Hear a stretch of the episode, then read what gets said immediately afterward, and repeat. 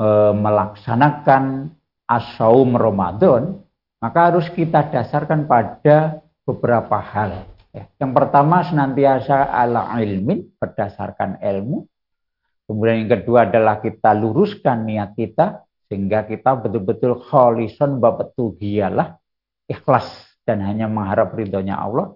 Kemudian prosesinya adalah ikhlas bagaimana kita bisa melaksanakan secara mujahadah, secara istiqomah, secara nidom atau disiplin, dan secara sofan atau teratur. Kemudian di samping itu kita akan e, laksanakan secara optimal atau mastato ya.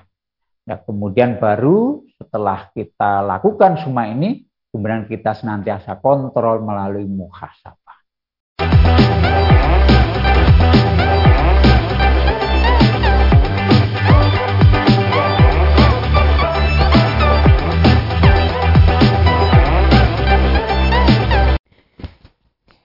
Bismillahirrahmanirrahim. Assalamualaikum warahmatullahi wabarakatuh. Saudaraku pemirsa MTA TV di mana pun Anda berada, puji syukur Alhamdulillah senantiasa kita panjatkan kehadirat Allah Subhanahu wa Ta'ala. Ada selimpahan karunia nikmat dan juga rahmatnya, sehingga di kesempatan kali ini kita bisa berjumpa kembali dalam program Fajar Hidayah. Baik pemirsa, mari kita manfaatkan waktu di pagi hari ini untuk mengawali aktivitas kita untuk senantiasa belajar, utamanya memperdalam ilmu agama kita. Dan hari ini kita akan dibimbing oleh beliau Ustadz Emot Khairi MSI, serta kita hari ini sudah terhubung dengan beliau melalui aplikasi meeting online. Langsung saja kita sapa. Assalamualaikum warahmatullahi wabarakatuh. Waalaikumsalam warahmatullahi wabarakatuh. Kabar Mas baik, Fakir. sehat Ustadz hari ini?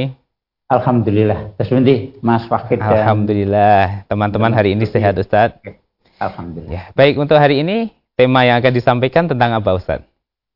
Ya karena mau ya masuk bulan Ramadan bagaimana ya. uh, apa yang dulu sudah pernah kita bahas yaitu sikap terbaik dari seorang mumin terhadap uh, suatu syariat maka kita sekarang kita terapkan ya, ya sikap ya. terbaik dalam mensikapi syariat asyam atau asyam Ramadan. Baik, sikap terbaik dalam mensikapi syariat asyam gitu ya Ustaz ya. Ya. Baik, ya. sebelum nanti kita akan dengarkan mukadimah dari Ustaz, kami persilahkan untuk para pemirsa yang nanti akan bertanya bisa menghubungi kami secara langsung di 02716793000 atau di line SMS dan WA di 08112553000. Dan juga kami selalu mengingatkan untuk para pemirsa masih di masa pandemi ini, mari kita senantiasa terapkan protokol kesehatan. Baik Ustaz, silahkan untuk mukadimahnya terkait dengan tema hari ini.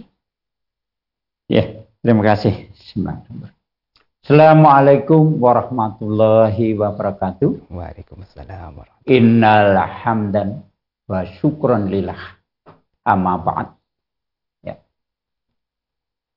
Bapak Ibu dan saudara sekalian yang insya Allah dimuliakan Allah, ya, khususnya para pemirsa TV MTA, ya, program Fajar Hidayah yang insya Allah dimuliakan Allah.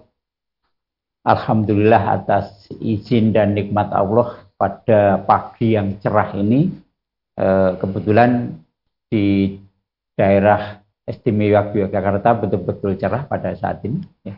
ya. Kita bisa hadir ya pada forum yang mulia ini. Kita diberi nikmat kesempatan, nikmat kemampuan, nikmat kekuatan ya, dan nikmat kemauan. Sehingga kita bisa hadir di forum yang mulia ini ya, dalam rangka taklim bersama ya, terkait dengan ilmu-ilmu agama yang perlu kita ketahui dan kita realisasikan dalam bentuk amal soleh keseharian kita. Nah, Bapak Ibu dan saudara sekalian, pemirsa TV MTA program Pacar Hidayah yang insya Allah dimuliakan Allah pada kesempatan yang baik ini kita akan coba ya terapkan yang dulu pernah kita bahas yaitu sikap terbaik seorang mukmin dalam mensikapi suatu syariat. Nah, karena sebentar lagi kita akan masuk bulan Ramadan, maka mari kita persiapkan ya sikap yang terbaik bagi seorang mukmin mukminat untuk mensikapi syariat asyam atau asaum Ramadan. Ya. Bapak Ibu dan sekalian yang insya Allah dimuliakan Allah, ya. bagaimana sikap yang harus kita sikapkan ketika kita e, mendengar suatu informasi, ya mungkin kita mendengar informasi dari teman atau kita mendengar dari informasi dari media ya. Ada kata asaum ada kata asyam ada kata al imsak ya. Yang sebentar lagi akan sering kita dengar ya tiga kata ini ya. Yang ternyata Bapak Ibu sekalian bahwa kata al imsak kata asaum dan kata asyam memiliki makna secara bahasa nanti adalah sama ya. Sama-sama menahan. Al imsaku itu adalah menahan diri untuk melakukan sesuatu. Asaum juga sama ya. Cuma ada yang men, yang mendefinisikan bahwa asaum itu menahan sesuatu tetapi kalau asom Ramadan itu disebut dengan Asia. Ya. Maka nanti kita coba bahas seperti apa. Nah, kemudian eh, sebagaimana yang sudah kita pelajari bersama, ya, bagaimana kita eh, melakukan sesuatu aktivitas nanti termasuk ya bagaimana kita eh, melaksanakan asaum Ramadan, maka harus kita dasarkan pada beberapa hal. Ya. Yang pertama senantiasa ala ilmin berdasarkan ilmu. Kemudian yang kedua adalah kita luruskan niat kita sehingga kita betul-betul kholison bapetuhiyalah ikhlas dan hanya mengharap ridhonya Allah. Kemudian prosesinya adalah itqlon bagaimana kita bisa melaksanakan secara mujahadah, secara istiqomah, secara nidom atau disiplin, dan secara sofan atau teratur. Kemudian di samping itu kita akan e, laksanakan secara optimal atau mastatok ya. ya. Kemudian baru setelah kita lakukan semua ini, kemudian kita senantiasa kontrol melalui muhasabah. Nah, ini framework kita atau ini adalah kerangka berpikir kita, ya ini sebagai dasar e, aktivitas kita. Maka mari kita coba uh, detailkan bagaimana ala ilmin atau atas ilmu ini ya. Sehingga nanti kita akan coba dengan berdasarkan ilmu ini ya. Yang pertama nanti kita ketika kita mendengar suatu informasi tentang Ramadan atau bulan Ramadan maka akan muncul ya dalam hati kita akan mengatakan hada min fadli rabbi. Ini adalah nikmat kesempatan yang Allah berikan pada saya untuk kita bisa untuk untuk saya bisa berprestasi di hadapan Allah. Untuk menguji apakah saya itu bersyukur dengan nikmat itu atau malah kufur. Maka muncullah kata sarkus atau lapang dada. Yang sering kita bahas bahwa lapang dada itu adalah ketika kita mendengar, ketika kita melihat, ketika kita membaca kata Ramadan, kemudian asaum Ramadan, itu muncul kata yang diungkapkan melalui lisan itu dari hati kita adalah kata farhan atau senang. Senang, bahagia, bangga. Karena kita sudah diberi kesempatan oleh Allah untuk bisa berprestasi di hadapan Allah. Maka apa yang nanti direalisasikan dari e, bentuk kita lapang dada itu adalah ini nanti. Bahwa kita memahami bahwa bulan Ramadan, saum Ramadan nanti adalah suatu nikmat yang besar. Nikmat untuk kita bisa beramal soleh. ya Maka harus kita syukuri. Maka nanti dua hal yang akan kita bahas dalam mensyukuri ini yaitu kita mencari ilmu terkait dengan saum Ramadan sehingga kita nanti bisa mengamalkan saum Ramadan itu betul-betul sesuai yang dikendaki Allah dan Rasulnya. Sehingga kita bisa nanti memperoleh asar atau bekas atau buah dari apa yang kita lakukan pada bulan Ramadan yaitu asaum Ramadan. Di samping itu ya karena Ramadan adalah suatu nikmat yang besar, nikmat kesempatan untuk berprestasi di hadapan Allah, maka tidak hanya saum Ramadan. Tetapi kita persiapkan program rencana-rencana pendukung sehingga betul-betul kita bisa mengoptimalkan ya kesempatan pada bulan Ramadan itu untuk berprestasi dalam amal soleh. Nah, maka dua hal ini nanti yang kita perlu persiapkan adalah ilmu terkait dengan bagaimana kita bisa melaksanakan som Ramadan, bagaimana kita bisa mengoptimalkan kesempatan pada bulan Ramadan itu sehingga semuanya nanti betul-betul sinergi untuk menghantarkan kita berprestasi di hadapan Allah. Bapak Ibu dan saudara sekalian, ya, program pendukung yang saya titipkan di sini di samping nanti puasa Ramadan kita bisa memprogramkan Bapak Ibu. Ya misalkan tahun ini karena kita masing-masing ini ya memahami betul kekurangan kelemahan kita ya. Misalkan aja ya seseorang merasa bahwa dari lesannya itu masih banyak ya. Keluar suatu ucapan yang tidak sesuai. Entah itu ucapan yang dusta, entah itu ucapan yang jorok, entah itu ucapan yang kasar. Maka pada tahun ini kita programkan. Saya kepingin membenahi kualitas lesan saya. Sehingga lesan saya nanti setelah pada bulan Ramadan ini ya, bisa mengucapkan ya suatu ucapan yang benar. Benar dan penyampaiannya juga benar. Ya. Bahasanya e, ucapan yang sodikon, ucapan yang makrufan, ucapan yang mubalighon, yaitu ucapan yang menyasar, to the point, ucapan yang sakilan, ucapan yang betul-betul berbobot, dan ucapan yang maksuron, ucapan yang membekas. Berarti perlu kita programkan pembenahan lisan dengan konten-kontennya, dengan isi-isinya. Kemudian kita bisa membenahi secara e, simultan atau paralel sholat kita. Kalau memang sholat kita perlu kita benahi. Kiraatul Quran. Kita benahi e, kesiapan kita dalam infak.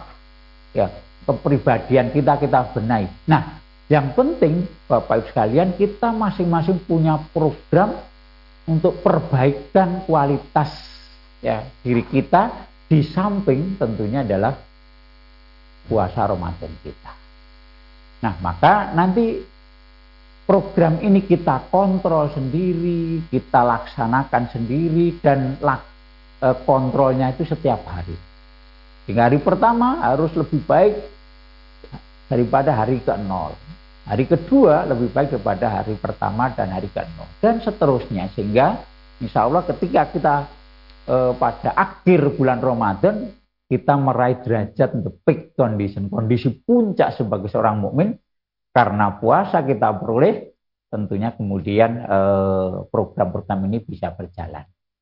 Bapak Ibu dan sekalian, mari kita pelajari ya di samping program tadi ya, yaitu ilmu yang benar karena kita kepingin ya.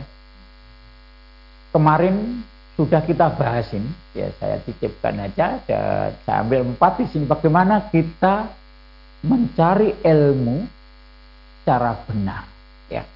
Dengan metode yang saya tawarkan ya. Ketika kita kepingin mempelajari terkait dengan asaum Ramadan atau asyam ya maka nanti kita pelajari mulai dari takrifnya, ya definisinya, baik definisi secara bahasa maupun definisi secara syariah. Ya. Kemudian di samping pengertian tentang puasa, kemudian kita pelajari tentang tarhib asom Ramadan, yaitu hasungan-hasungan yang Allah dan Rasulnya berikan pada kita, motivator ya yang menjadikan kita betul-betul terhasung sehingga kita nanti siap untuk merealisasikan atau mengamalkannya ya. Nah kemudian tarhib itu ancaman.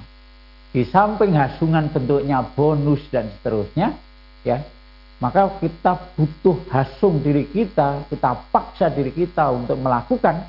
Karena kalau tidak melakukan kita diancam. Kalau kita tidak melakukan maka kita akan merasa rugi. Itulah tarhib atau warning Nah kemudian dari situ nanti kita akan muncul namanya sikap untuk menyambut. Bahasa menterengnya adalah bagaimana kita memprepare ya atau ada semacam preparing untuk uh, som Ramadan itu yang kita realisasikan nanti dalam bentuk tampit yaitu pelaksanaannya. Baik, mari kita pelajari takrifnya ini di salah satu ya, salah satu definisi ya yang saya ambil dari tafsir Al-Manar di situ ya. Ini saya jelaskan ini ya, bahwa asyamu hiya al imsaku anil akli wa surbi wal gosain wa gosayan nisa ya. Jadi saum Ramadan itu adalah ya menahan diri dari makan, minum termasuk merokok dan jima ya mohon maaf bersetubuh e, dengan suami atau istri. Ya. Nah tiga ini. Ya. Hanya tiga ini yang secara e, umum dijadikan sebagai syarat biasanya untuk melakukan puasa itu. Ya. Nah tentunya nanti ya tidak hanya ini.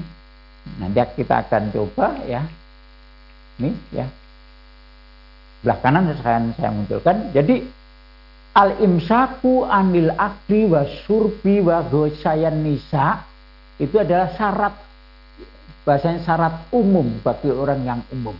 Maka tentunya nanti Bapak sekalian tidak hanya menahan diri dari makan, minum dan bersetubuh. Tetapi nanti kita tambahi wa hima ya. Mimma waradda bihi syar'u Ya tidak hanya tiga ini tetapi kita tambah untuk menahan diri dari semua organ tubuh yang eh, disyariatkan untuk ditahan. Ya. Sehingga nanti apa yang dikeluarkan dari lisan kita, apa yang dikeluarkan dari mata kita, diproduk oleh otak kita, telinga kita, hati kita, tangan kita, semua organ tubuh kita bahasanya kita puasakan. Ya, inilah puasa orang-orang yang sudah khusus. Ya, inilah namanya puasa yang sebenarnya. Jadi tidak hanya nanti yang kita puasakan dari lesan dari makan minum kemudian mohon maaf parci untuk bersetubuh tapi semua organ tubuh kita kita puasakan ya ini yang pertama harus kita paham yang kedua, Bapak Ibu sekalian, eh, waktunya adalah minal fajri ilal maghribi. Ya. Dari fajar yaitu waktu masuk e, sholat subuh sehingga nanti dari sini kita mengetahui bahwa waktu batas sahur ya batas akhir dari sahur itu adalah waktu masuk waktu subuh sampai maghrib ya kemudian niatnya itu adalah ihtisaban lillah. Lillah. Ihtisaban lillah. Hanya berhitung ya hanya e, bertransaksi dengan Allah hanya mengharapkan balasan dari Allah. Ya, maka bahasa lain li mardotillah jadi kita puasa nanti betul-betul lillah bukan li ghairillah Ya. Mari kita luruskan betul ya, bahwa apa yang kita lakukan betul-betul karena Allah. Kemudian eh, prosesnya Bapak Ibu, bagaimana kita eh, merealisasikan proses dalam puasa ini adalah ikdadan li nafsi wa tahjiyatalaha li taqwallah. Betul-betul kita mempersiapkan semua organ tubuh kita ini untuk kita hasum kita tingkatkan menuju ketakwaan pada Allah. Sehingga nanti targetnya ya, sesuai betul bahwa target yang dicanangkan di surat Al-Baqarah 183 ya kita raih la'allakum tattaqun 187 la'allahum yattaqun bahwa target dari syariat puasa adalah agar pelakunya betul-betul bisa meningkatkan kualitas ketakwaannya. Sehingga maka nanti kita persiapkan tadi. Kemudian metodenya atau strateginya sehingga kita berpuasa betul-betul bisa meraih target bisa dikatakan adalah bil muraqabati wa tarbiyatul irodah. Ya. Metodenya adalah bagaimana kita senantiasa menghadirkan pengawasan Allah pada diri kita, pada hati kita, pada setiap aktivitas kita, kemudian kita meminit irodah, kehendak, nafsu, keinginan dari semua organ tubuh kita. Ya. Maka dua ini nanti yaitu kita meminit e, irodah, keinginan setiap organ tubuh kita sehingga sesuai betul dengan yang di ya asom Ramadan oleh Allah dan Rasulnya. Kemudian untuk memotivasi ketika kita melakukan, kita menghadirkan ya e, sosok Allah pada hati kita, sehingga kita betul-betul nanti bisa meraih namanya kondisi al ihsan. Ya, ini yang kemudian dari sekalian dari pengertian ini maka muncul nanti e, definisi puasa yang benar yang tadi saya sampaikan. Kemudian perlu kita hasung Ya. Maka kita pelajari, kita pahami, kita yakini ya hadis-hadis penghasung. Banyak sekali Bapak Ibu sekalian ketika kita membaca mansoma Ramadona imanan wahti saban. Ya. Manpoma Ramadona imanan wahti saban. Semua diakhiri gufirolahu matakut sama mindanti. Ya, Allah akan mengampuni dosa-dosa kita yang telah lalu. Ya. Kemudian di samping itu kita tahu bahwa kulu amali bni adama lahu ilasyam fa innahu li wa ana ajak zibik ya ila akhiril hadis itu bahwa setiap amal anak Adam baginya kecuali saum ini yang berfirman adalah Allah. Pak innahuli sesungguhnya ya amalan puasa itu betul-betul untuk aku aku Allah wa ana ajak jifi dan Allah sendiri yang akan membalasnya. Suatu penghargaan yang luar biasa ya bagi amalan asaum Ramadan. Ya, karena Allah sendiri yang langsung membalasnya.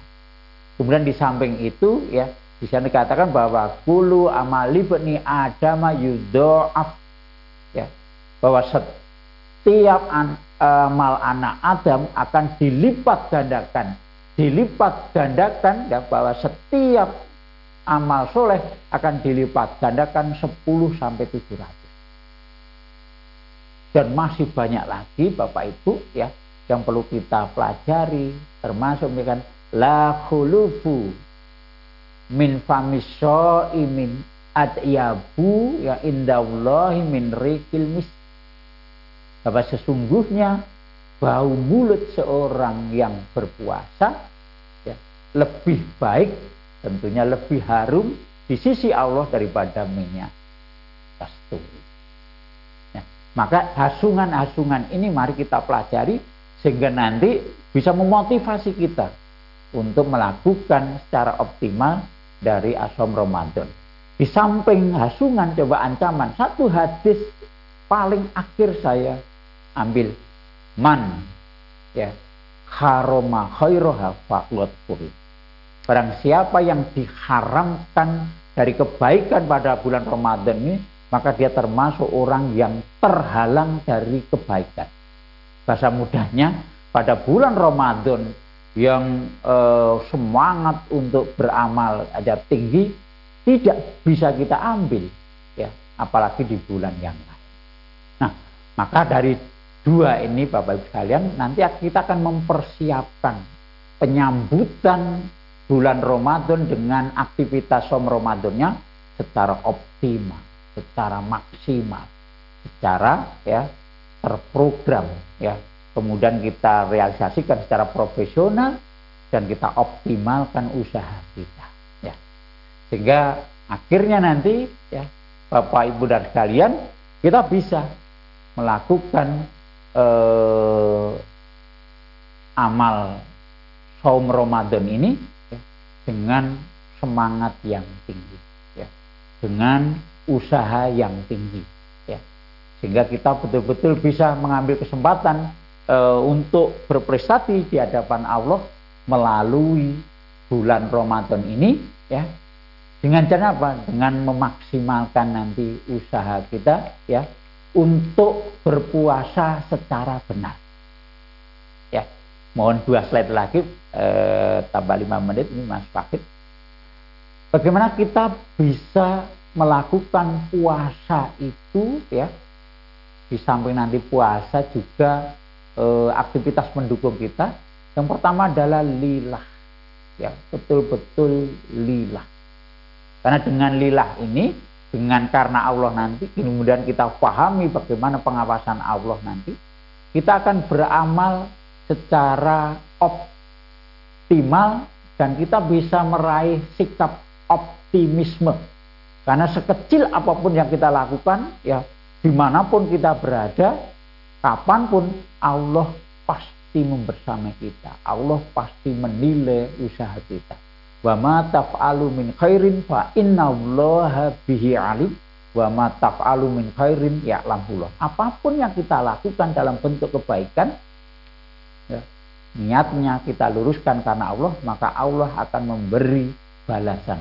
Allah akan memberi eh, pahala yang lebih baik daripada apa yang kita lakukan kemudian di samping itu ya, di samping kita lillah Bapak Ibu sekalian, bagaimana nanti kita berpuasa itu ittiba'ur rasul, mengikut rasul. Ya. Ada di situ nanti nilai sunnahnya. Ketika kita sahur memperakhir atau mengakhirkan sahur karena kita mencontoh rasul. Kenapa kita sahur? Karena rasul memberikan uh, suatu penjelasan bahwa as-sahuru akluhu ya barokatun karena makan sahur itu adalah berkah. Kenapa kita berbuka, mengawalkan, kemudian berbuka mulai dengan yang manis-manis? Karena kita mencontoh Rasul. Jadi di situ ada nilai sunnahnya. Nah kemudian kita didik, tadi sudah kita sampaikan, kita didik semua keinginan, hawa nafsu dari semua organ tubuh kita, kemudian kita hadirkan muraqabatillah.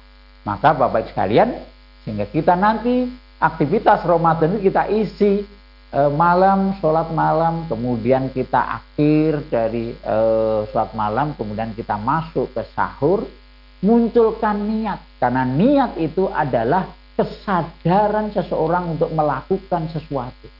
Ya, bahwa kita sadar betul kita melakukan sahur itu karena kita mau puasa Ramadan. Sehingga dengan munculnya niat ini, ya, sehingga kita muncul kesadaran bahwa kita betul-betul melakukan itu dengan sadar.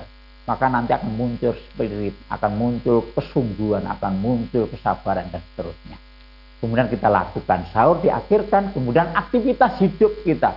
Aktivitas hidup kita kita arahkan sebagai aktivitas hidup yang bernilai ibadah ya sehingga nanti aktivitas hidup kita itu betul-betul mendukung. Di samping itu program-program yang kita sudah lakukan Kemudian ketika waktu buka masuk, maka kita mempercepat buka ya melalui buka dengan sesuatu yang manis kalau itu kurma basah kalau tidak ada kurma basah kurma kering atau air atau sesuatu yang tidak dimasak dengan api itu kita lakukan semuanya karena mencontoh Rasul. Nah barangkali itu kemudian nanti targetnya akan kita bahas tambahan nanti bahwa target puasa adalah dua.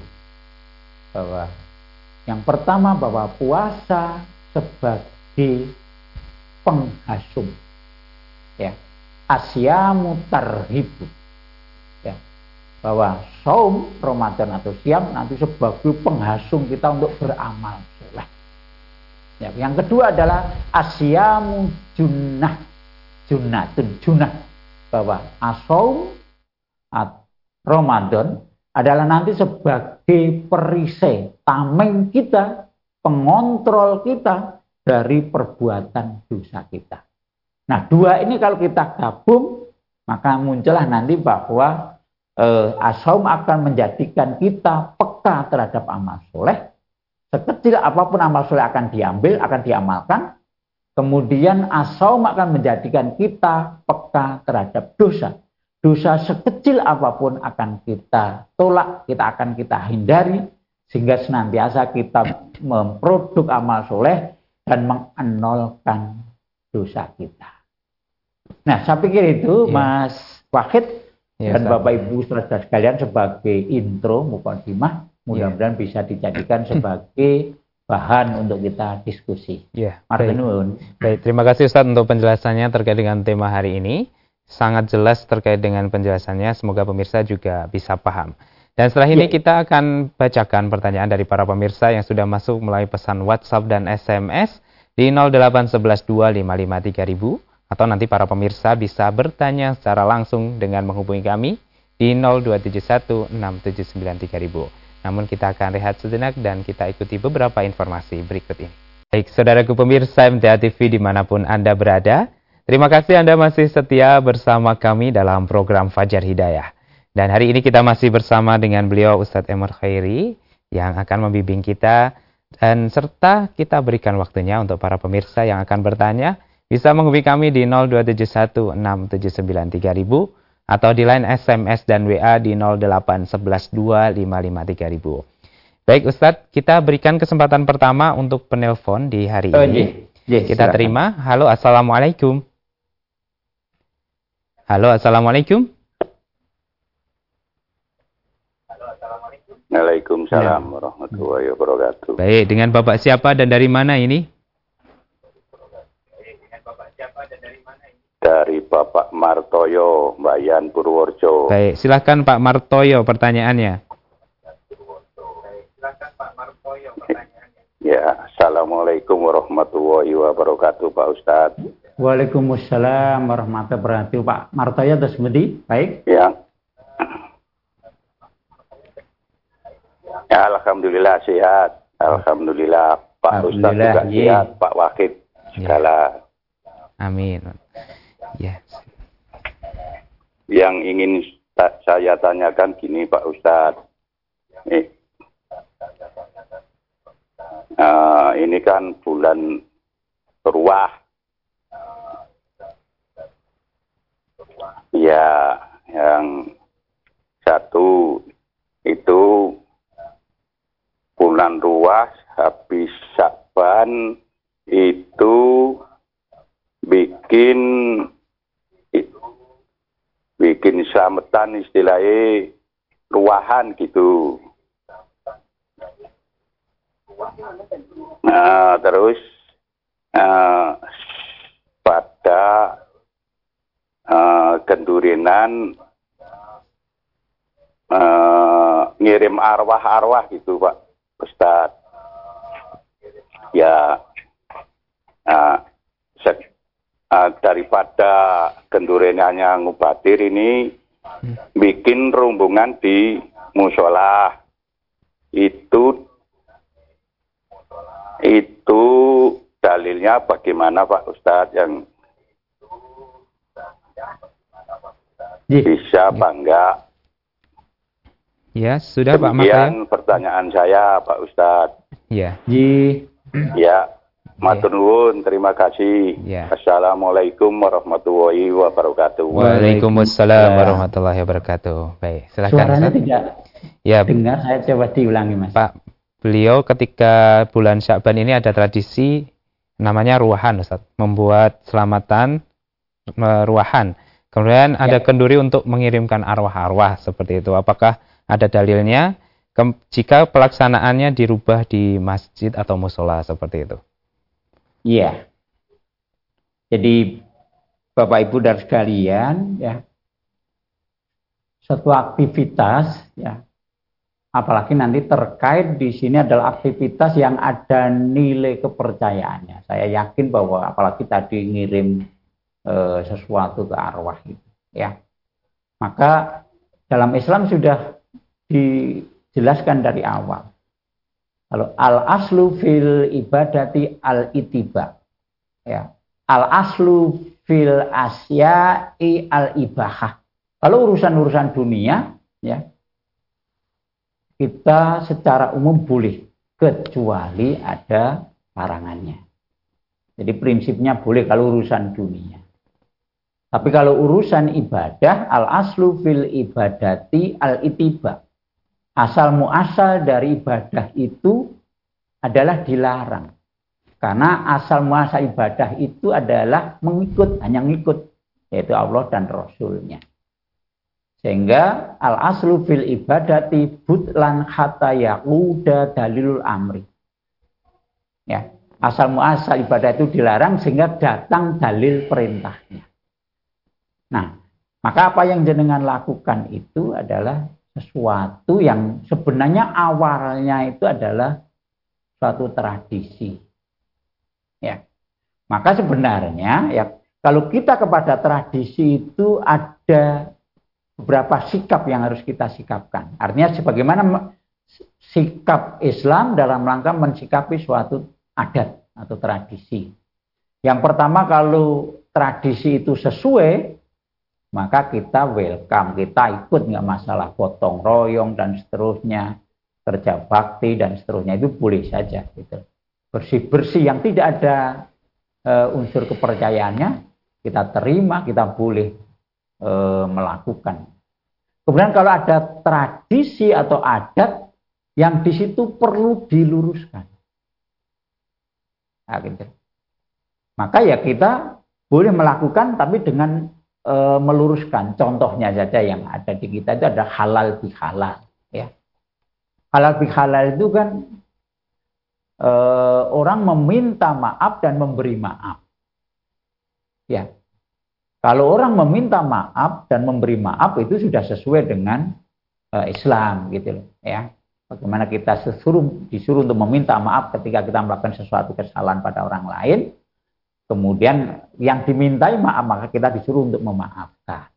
Ya, salah satu produk e, puasa nanti salah satunya adalah ya alladzina yunfiquna fis sarai wad wal kadziminal ghaid wal afina ninas kan gitu.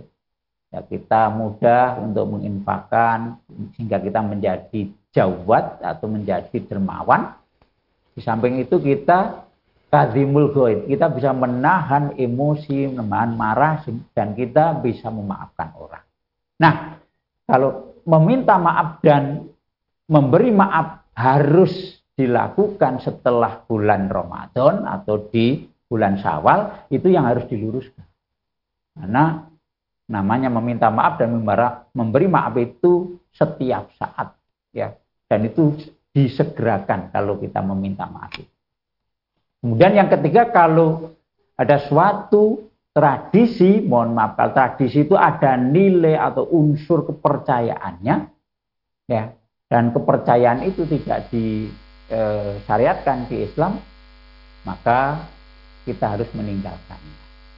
Nah, kelihatannya yang e, yang jenengan lakukan dengan ruahan kemudian e, di situ ada e, kenduren, mohon maaf kenduren, kemudian di kenduren itu kemudian ada kepercayaan untuk mengirim ya apa yang dikendurenkan itu baik itu materialnya ya maupun doanya eh, itulah yang kita kita tidak sesuai ya, dengan pendapat kita kita memahami bahwa itu tidak ada dalam Islam ya. ya. kirim mengirim pahala dan seterusnya itu nanti tidak ada. Karena kita memahami bahwa laisal insanu illa masya ya surat An-Najm ya. Surat ke-53 ya 39 30 delapan itu ya, bahwa apa yang kita lakukan itulah nanti yang kita raih. Artinya ya kita tidak memahami, kita tidak sependapat dengan kirim pengirim eh, pahala, kirim eh, apa istilahnya doa dan seterusnya. Maka tentunya kita berusaha untuk menghindari hal-hal yang seperti ini semaksimalnya tanpa harus ya tanpa harus merendahkan, tanpa harus melarang ya kepada saudara kita yang masih memahami seperti itu. Itulah sikap yang terbaik ya. ya. Sikap yang terbaik sehingga kita senantiasa namanya peka ya terhadap eh, segala sesuatu perbuatan yang ada nilai eh, kepercayaannya itu. Ya. Tolong nanti barangkali Pak Martoyo di ya. Pirsani ya salah satu karakter ya orang mukmin sebagai pengganti ya sebagai pembaharu sebagai generasi yang lebih baik di surat Al-Maidah ayat 54 di situ dijelaskan di situ nanti ya. Ya, salah satunya kita strict tegas terhadap semua bentuk-bentuk kekufuran atau kekafiran. Dari mana pun datangnya kita tegas untuk menolak ya artinya tegas menolak tidak harus kasar tapi kita punya sikap ya bahwa asidau alal kufar itu keras di situ artinya kita strik tegas terhadap semua bentuk-bentuk kekafiran dari mana pun datangnya dalam bentuk apa pun wujudnya sehingga kita termasuk orang-orang yang beruntung selamat Ngeten Pak Martoyo, ya. mudah-mudahan bisa dipahami. Baik, demikian penjelasan terkait dengan pertanyaan dari Pak Martoyo di Purworejo. Dan ya. tidak terasa Ustadz, ternyata kita sudah berada di akhir perjumpaan. ya. Barangkali ada waktu sekarang ini dua menit untuk kesimpulan dan penguatan untuk para pemirsa ini. Ustaz. Baik, Silahkan. Gini. Bapak Ibu dan saudara sekalian, ya, bahwa puasa Ramadan itu adalah suatu nikmat yang luar biasa. Ya kita tahu bahwa bulan Ramadan adalah disebut dengan syahrun maghfiratun, bulan penuh ampunan. Ya. Syahrun mubarakun, bulan penuh berkah. Ya. Kemudian disebut juga syahrul, bulannya Allah.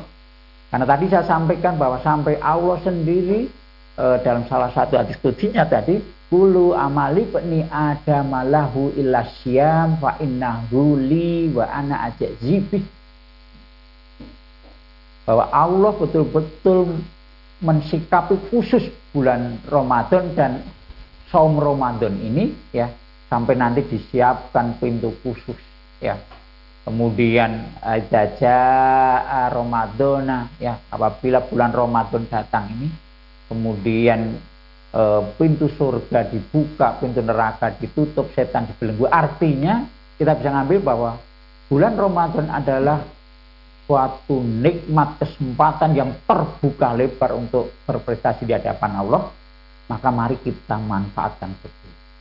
Dengan jalan apa? Dengan jalan kita persiapkan ilmunya. Ya, bagaimana kita berpuasa yang benar, di samping itu kita persiapkan program-program pendukungnya sehingga kita bisa mengoptimalkan kesempatan di bulan Ramadan dan kita bisa mengoptimalkan hasil ya pada bulan Ramadan ini sehingga kita bisa membenahi eh, kualitas ketakwaan kita sehingga target puasa betul-betul bisa kita raih. Sehingga kita menjadi hamba yang lebih bertakwa yang lebih berakhlak dan memiliki kepribadian yang agung. Sehingga kita menjadi orang yang sabar, orang yang eh, apa, pemaaf, dan sekaligus orang yang bisa menahan emosi kita. Yeah. Itulah kepribadian yang agung sebagai bentuk eh, produk eh, nyata dari syariat as-saum Ramadan. Mudah-mudahan kita bisa meraihnya sehingga kita termasuk orang-orang yang sukses dan beruntung pada bulan Ramadan. Amin. Kurang lebihnya mohon maaf. Assalamualaikum warahmatullahi wabarakatuh. Waalaikumsalam warahmatullahi wabarakatuh. Baik, terima kasih Ustadz Emut Khairi untuk bimbingannya di kesempatan kali ini. Dan sampai di sini pemirsa sajian Fajar Hidayah untuk edisi kali ini. Semoga para pemirsa bisa paham terkait dengan materi yang kita sampaikan untuk kesempatan kali ini. Jumpa lagi di lain kesempatan untuk para pemirsa dan juga kami selalu mengingatkan untuk selalu menerapkan protokol kesehatan sebagai bentuk ikhtiar kita di masa pandemi COVID-19. Akhirnya saya Wahid Arifuddin pamit undur diri. Alhamdulillahirabbil alamin. Subhanakallahumma wa bihamdika asyhadu an la ilaha illa anta astaghfiruka wa atubu ilaik. Wassalamualaikum warahmatullahi wabarakatuh.